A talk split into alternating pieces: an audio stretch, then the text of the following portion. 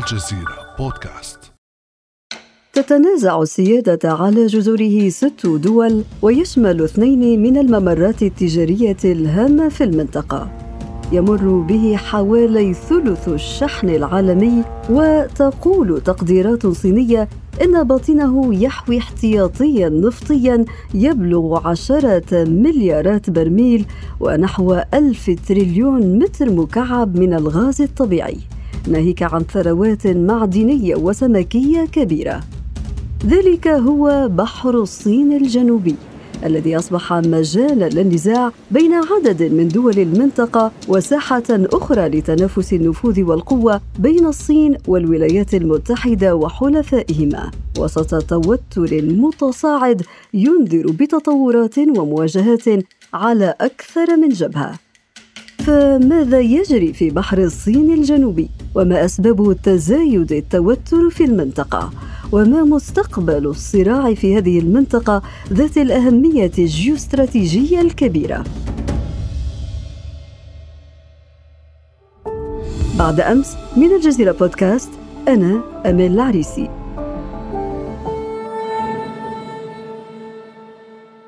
وينضم إلي هنا في الاستوديو من الدوحة الدكتور لقاء مكي الباحث الأول بمركز الجزيرة للدراسات. أهلا وسهلا بك دكتور لقاء. مرحبا آمل. تشهد منطقة بحر الصين توترا متصاعدا بين عدد من الدول المتشاطئة. التوتر في المنطقة ليس جديدا لكن حدته زادت في ظل تحولات إقليمية ودولية. عنوانها صراع القوة والنفوذ بين الصين والولايات المتحدة الأمريكية.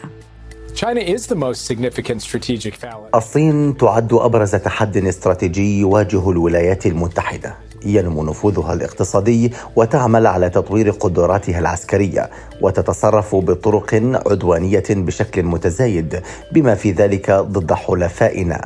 وقد أوضحنا أننا نرحب بالمنافسة مع الصين ولا نسعى إلى الصراع معها. لكننا سنقف بحزم للدفاع عن حلفائنا وشركائنا وندافع عن القواعد الدولية التي نتوقع أن تعمل الصين وفقا لها. وفي حال رفضت ذلك فإننا سنرد وفقا لذلك استمعنا دكتور لقاء لتصريح مستشار الأمن القومي الأمريكي جايك سوليفان ولكن دعنا في البداية نتحدث عن الأهمية الجيوستراتيجية لمنطقة بحر الصين بشقيه الشرقي والجنوبي. طبعا اولا بحر الصين هناك الجنوبي وهناك الشرقي. كلاهما يحظيان باهتمام خاص على الصعيد الجيوسياسي لكن بحر الصين الجنوبي ربما يكون أكثر أهمية على الصعيد التجاري أيضا بالإضافة إلى الاهتمام الاستراتيجي فيه. كلا البحرين تشرف عليهما الصين ولكن هناك دول أخرى تطل عليهما في كل من البحرين. الشرقي تطل عليه أيضا اليابان وروسيا وكوريا الجنوبية وتايوان وهناك خلاف جاد وأحيانا صراع ما بين هذه الدول على المساحة الاقتصادية الخاصة في هذا البحر لكل منها. نتحدث عن روسيا ونتحدث عن كوريا الجنوبية واليابان. بالإضافة للصين بطبيعة الحال. أما في بحر الصين الجنوبي فهناك دول أكثر عددا من بينها تايوان أيضا لأن تايوان من الشمال الشرقي يعني بحر الصين الشرقي ومن الغرب بحر الصين الجنوبي وهناك فيتنام هناك الفلبين وماليزيا. هذه الدول عموما جميعها تتسابق للحصول على المساحة الاقتصادية المطلقة فيها وكما أشرت في المقدمة ثلث التجارة العالمية بحدود 3.5 إلى 5 تريليون دولار سنويا يمر من هذا البحر. فبالتالي هناك أهمية اقتصادية ضخمة ناهيك عن الأهمية الجيوستراتيجية في المحيط الهادي. طيب بالنظر إلى هذه الأهمية الاستراتيجية وهذه الدول الكبرى كما ذكرت التي تتقاسم البحر الصيني بشقيها الشرقي والجنوبي ما هي الأسباب التي أدت إلى توتر في هذه المنطقة؟ وأين يكمن التوتر بالتحديد في الشرقي أم في الجنوبي هو بالحقيقة التوتر في كليهما. لا سيما أن اليابان مثلا تتنازع مع الصين على الكثير من المساحات الاقتصادية. كلا البحرين يعني الشرقي والجنوبي فيهما ثروات كبيرة من الغاز والنفط. وهذا الأمر طبعا ناهيك عن حقوق الصيد. وهذا الأمر حقيقة هو مجال تنازع بين هذه الدول التي لا توجد فيها ثروات طبيعية. يعني واليابان وكوريا الجنوبية والصين جميعها دول صناعية كبيرة. فبالتالي هي محتاجة للطاقة. والطاقة موجودة في البحر أمامها ولكنها غير قادرة أو هناك مشكلات سياسية في تقاسم هذه الثروات. هناك تقديرات بوجود ألف تريليون قدم مكعب من الغاز في بحر الصين الجنوبي مثلا. وهذه كميات ضخمة جدا يعني بالنسبة لدولة مستوردة للطاقة بشراهة مثل الصين. فلذلك هناك صراع ممتد وليست هناك اتفاقات. هذا من جانب. من جانب ثاني هناك خلاف سياسي. المشكلة أنه ليس هناك تفاهم سياسي بين الدول المختلفة لا سيما مع الصين هي الدولة الأكبر المطلة على البحرين الشرقي والجنوبي. ومعظم الدول المشاطئة الأخرى هي قريبة من الولايات المتحدة. بالضبط. ما الذي أتى بالولايات المتحدة إلى بحر الصين الجنوبي مثلا؟ طبعا اولا المحيط الهادي جزء من منظومة الأمن القومي الأمريكي لأنه قريب من شواطئها الغربية كما نعرف. ناهيك عن أن هذا المحيط والمحيطات عموما يعني هو جزء من المصالح الكبرى للولايات المتحدة في العالم. والصين بحد ذاتها تمثل تهديد مستقبلي للولايات المتحدة على الصعيد الاستراتيجي الاقتصادي والسياسي والأمني وبالتالي هي تريد استباق الأمر لا سيما وأنها تتعلق أيضا بحلفائها التقليديين المهمين في هذه المنطقة، نتحدث عن الفلبين وكوريا الجنوبية واليابان واستراليا. وبالتالي أعتقد أن الولايات المتحدة تعتبر هذه المنطقة رغم أنها ليست على حدودها لكنها جزء من منظومتها الأمنية مثل ما يحصل في الشرق الأوسط مثلا وهي بعيدة تماما عن الولايات المتحدة لكنها ظلت لسنوات تمثل تهديد جدي للمصالح الأمريكية كما في مبدأ كارتر عام 80 طيب كيف تعاملت الولايات المتحدة الأمريكية مع هذا التهديد الذي تعتبره لمصالحها الاستراتيجية؟ الولايات المتحدة ظلت تتعامل بطريقة هادئة نسبيا يعني سوى التصريحات السياسية والمواقف السياسية وبعض الإجراءات الأمنية. مثل مساعدة الحلفاء عسكريا لا سيما كوريا الجنوبية واليابان وأحيانا تايوان.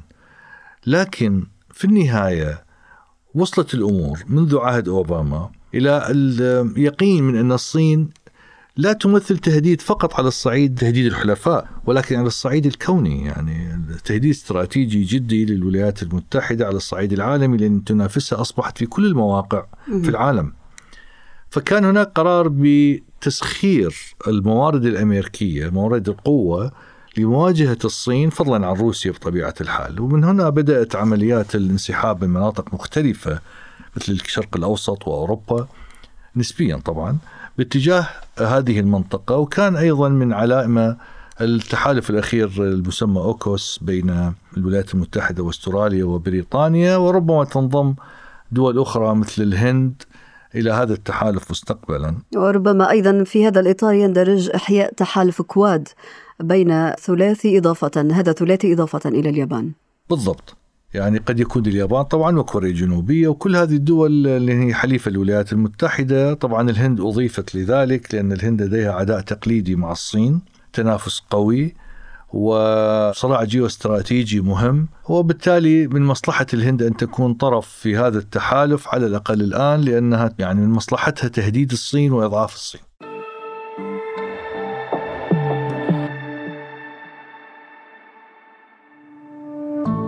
ابقى على تواصل مستمر مع الجزيرة بودكاست ولا تنسى تفعيل زر الاشتراك الموجود على تطبيقك لتصلك الحلقة يومياً.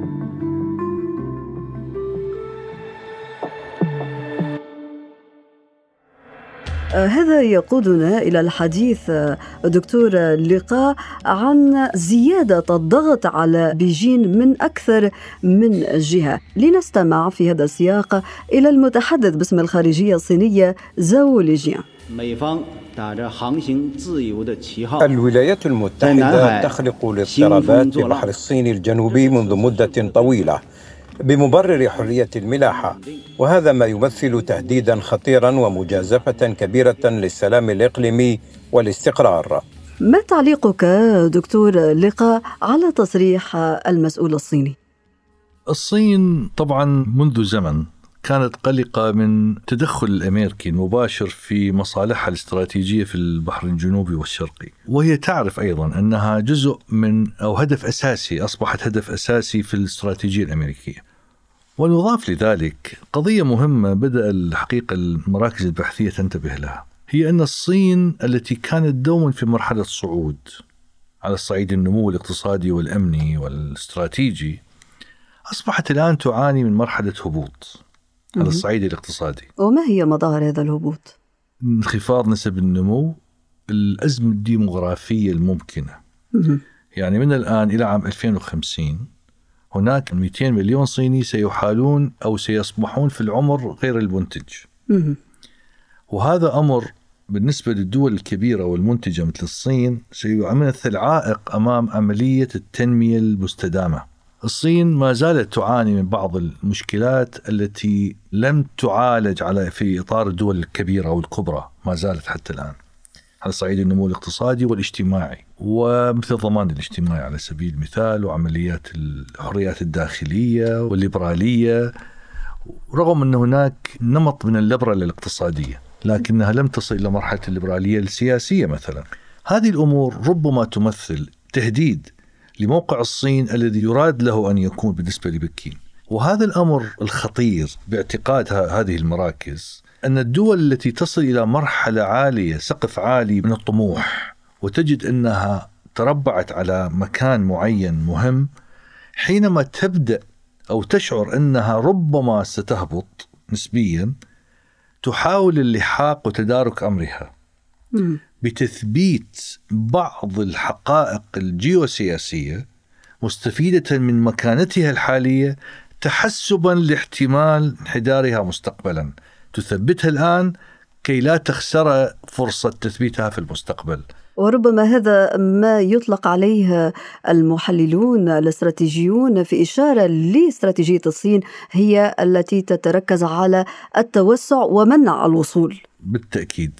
لأنه هذه المنطقة هي المجال الحيوي للصين وبالتالي كدولة أكبر في هذه المنطقة يجب على الدول الأخرى أن تهتم بمصالحها. يعني هي تريد أن تعامل مثل ما تعامل أمريكا بالنسبة للجوار الأمريكي بأنها دولة كبرى يجب أن تحترم مصالحها الحيوية. ولذلك حينما تحرض أمريكا دولة مثل تايوان وهي دولة صغيرة جنوب الصين على أن تتحدى هيمنة الصين سواء بتزويدها بالأسلحة أو بالدعم السياسي. في الحقيقة هي تريد ليس فقط تهديد الصين ولكن يعني محاولة شد أطراف الصين. التهديدات التي تأتي للصين من الدول المجاورة حوالي عشر دول أو تسع دول هي نوع من شد الأطراف الذي يجعل التركيز الصيني يذهب باتجاهات مختلفة. ليس فقط للتوسع الاقتصادي والجيوسياسي على صعيد العالم من أجل حماية المصالح ولكن أيضا بتشتيت الجهد واستنزاف الموارد الموارد السياسية الاقتصادية العسكرية وبالتالي هذا الاستنزاف سيجعل الصين في حالة صراع دائم مع المحيط ويجعلها غير قادرة على التطور والنمو كما تخطط ولكن ربما في المقابل هذا الأمر سيشجع الصين وفق مراقبين على الإقدام على خطوات ربما لم تقدم عليها سابقا خاصة فيما يتعلق بالمثال التايواني ويمكن هنا الإشارة إلى إرسال الصين عدد غير مسبوق من الطائرات العسكرية إلى منطقة الدفاع الجوي التايوانية في الفترة الأخيرة. هذه الطائرات كانت عنصر تهديد مباشر. هي كانت رسالة إلى تايوان والولايات المتحدة وحتى الدول الأخرى بالمناسبة. أنه الصين قد تذهب إلى استخدام السلاح فعلا. أن تطلب ذلك. وهل هذا وارد برأيك؟ أعتقد الدول الكبرى لديها خطوط حمر فيما يتعلق بالصراع المباشر فيما بينها. ولذلك هي تعمد إلى استخدام أوراق أخرى. منها الردع. محاولة الردع وهذه عمليات إرسال الطائرات كانت محاولة ردعية أظن أن الصين ستقوم بمهام أخرى بخطوات أخرى أيضا إشغال الولايات المتحدة أو تنبيه الولايات المتحدة. آه، هل حادثة الغواصة الأمريكية الأخيرة التي تعرضت لحادث في بحر الصين الجنوبي أحد الوسائل التي استغلتها الصين لتنبه أو لتوجه تنبيهاتها إلى الولايات المتحدة؟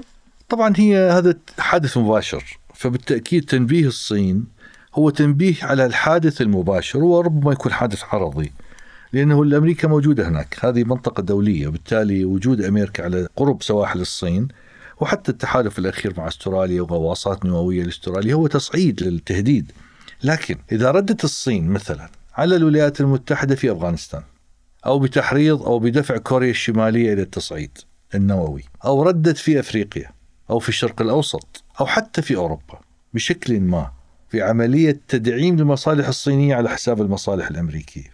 حينها ستكون هذه الرسالة لأنه شد الأطراف لن يكون فقط للصين حينها راح يكون لأمريكا أيضا. أمريكا التي انسحبت نسبيا من الشرق الأوسط مثلا إن واجهت عودة صينية للشرق الأوسط ستضطر أيضا للقيام بإجراء ما لحماية مصالحها حين أو حلفائها حينها سايضا يشتت أطرافها، يعني بالنهاية جهودها لن يتركز فقط على الصين. هذا الصراع مساحته كل العالم.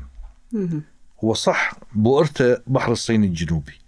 لكن مجال الحيوي كل العالم، ليس هناك مكان يعني فنزويلا مثلا اللي هي قريبة الجدار الخلفي أو الحديقة الخلفية في أمريكا اللاتينية. ممكن الصين تشاغل أمريكا في فنزويلا مثل ما إيران تعمل الآن. فبالتالي الرسائل المتبادلة هي بالحقيقة هذه مستمرة لتجنب الحروب المباشرة. وفي النهاية كل واحد راح يفهم حدود قوته لأنه أي حرب ضد الآخر ستعني تدمير أحدهما للآخر. وهذا أعتقد تم الفراغ منه وفي اتخاذ قرار أنه لن يستخدم. هذا القرار الذي تحدث عنه وهو وصول الأمر إلى حد المواجهة. آه، هذا القرار الذي تحدث هو متخذ من أي جانب؟ يعني تتحدث عن الولايات المتحدة الأمريكية وحلفائها أم عن الصين في حد ذاتها؟ كل القوى الكبرى المالكة للأسلحة النووية فيها تقاليد ولبينها حتى علاقات. يعني مثلا أعطيك مثال. الآن حينما تسربت من خلال بوب ويدوارد قضية اتصالات رئيس الأركان الأمريكي مع نظير الصيني في نهاية عهد ترامب لتجنب الحرب.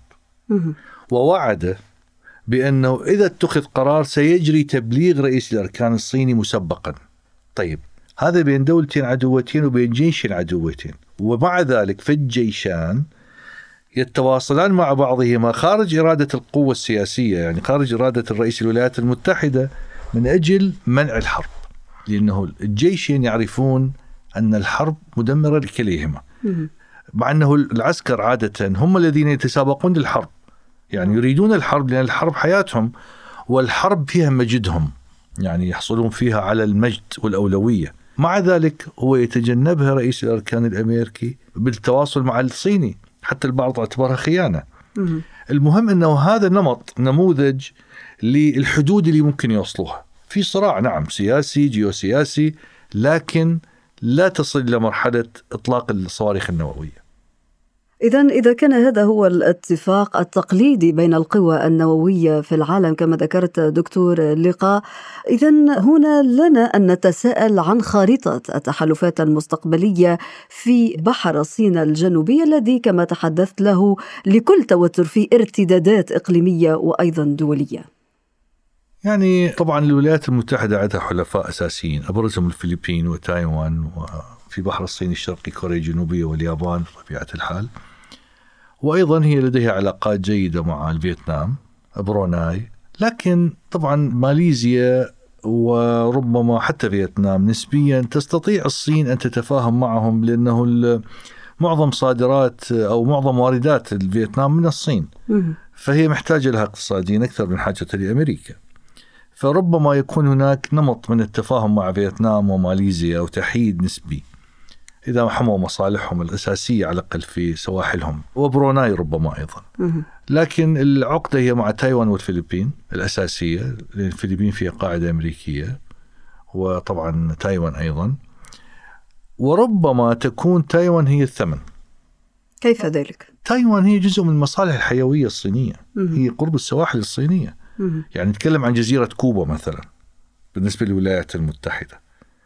كوبا لما هددت أمريكا بالستينات بالصواريخ السوفيتية صارت الأزمة النووية يعني في زمن خروشوف وكندي الأزمة الكورية والازمه الكوبية وازمه خليج الخنازير كما سميت. وكادت الحرب تحصل بين الدولتين حرب نووية. وبعدين هدأت. القصد أنه هذا تهديد جدي للمصالح القومية الصينية مثل ما كانت كوبا كذلك. على هذا الأساس ربما ستعمد الصين لاتخاذ إجراءات مثل حصار بحري لتايوان. من يدري. ممكن مثل ما عملت أمريكا مع كوبا. حاصرتها وظلت حاصرها لسنوات طويلة جدا عقود بالحقيقة ولليوم يعني في علاقات منقطعة معها فممكن تحاصر تايوان في تصعيد وتنتظر رد أمريكي تصعيدي للوصول إلى حافة الهاوية، حافة الهاوية إحدى الاستراتيجيات أو التكتيكات السياسية المستخدمه من دول كثيرة لأنه بالنهاية الصين يجب أن تبرز عضلاتها. في منطقتها الحيوية امام الولايات المتحدة في مستهل جهد أمريكي لحصار الصين. فمن يدري ربما تكون تايوان هي الطعم يعني أمريكا تريدها طعم لإيقاع بالصين ربما الصين تعمل فعلا على حصار تايوان من أجل إرغام الولايات المتحدة على التصعيد السياسي وربما حتى العسكري للوصول إلى حافة الهاوية الذي يجعل أمريكا أيضا تتراجع نسبيا. يعني برأيك دكتور لقاء أن الصين قد تنتقل مستقبلا من استراتيجية منع الوصول إلى استدراج القوى الكبرى الولايات المتحدة الأمريكية وحلفائها للرد في حال إقدامها على حصار تايوان كما ذكرت وهذا ما يجعل الولايات المتحدة الأمريكية تعود إلى استراتيجية إعادة التوازن في منطقة بحر الصين الجنوبي. في الأزمات الكبرى الأزمات المتعلقة بمصالح مستقبلية كبرى لا يمكن الوصول لتسويات بدون أزمة والأزمة تكون مهددة. أما حرب أو شبه حرب الحروب الكبرى تولد تسويات كبرى واتفاقيات كبرى جغرافيا وجيوستراتيجيا تحدد أفق مستقبلية طويلة المدى.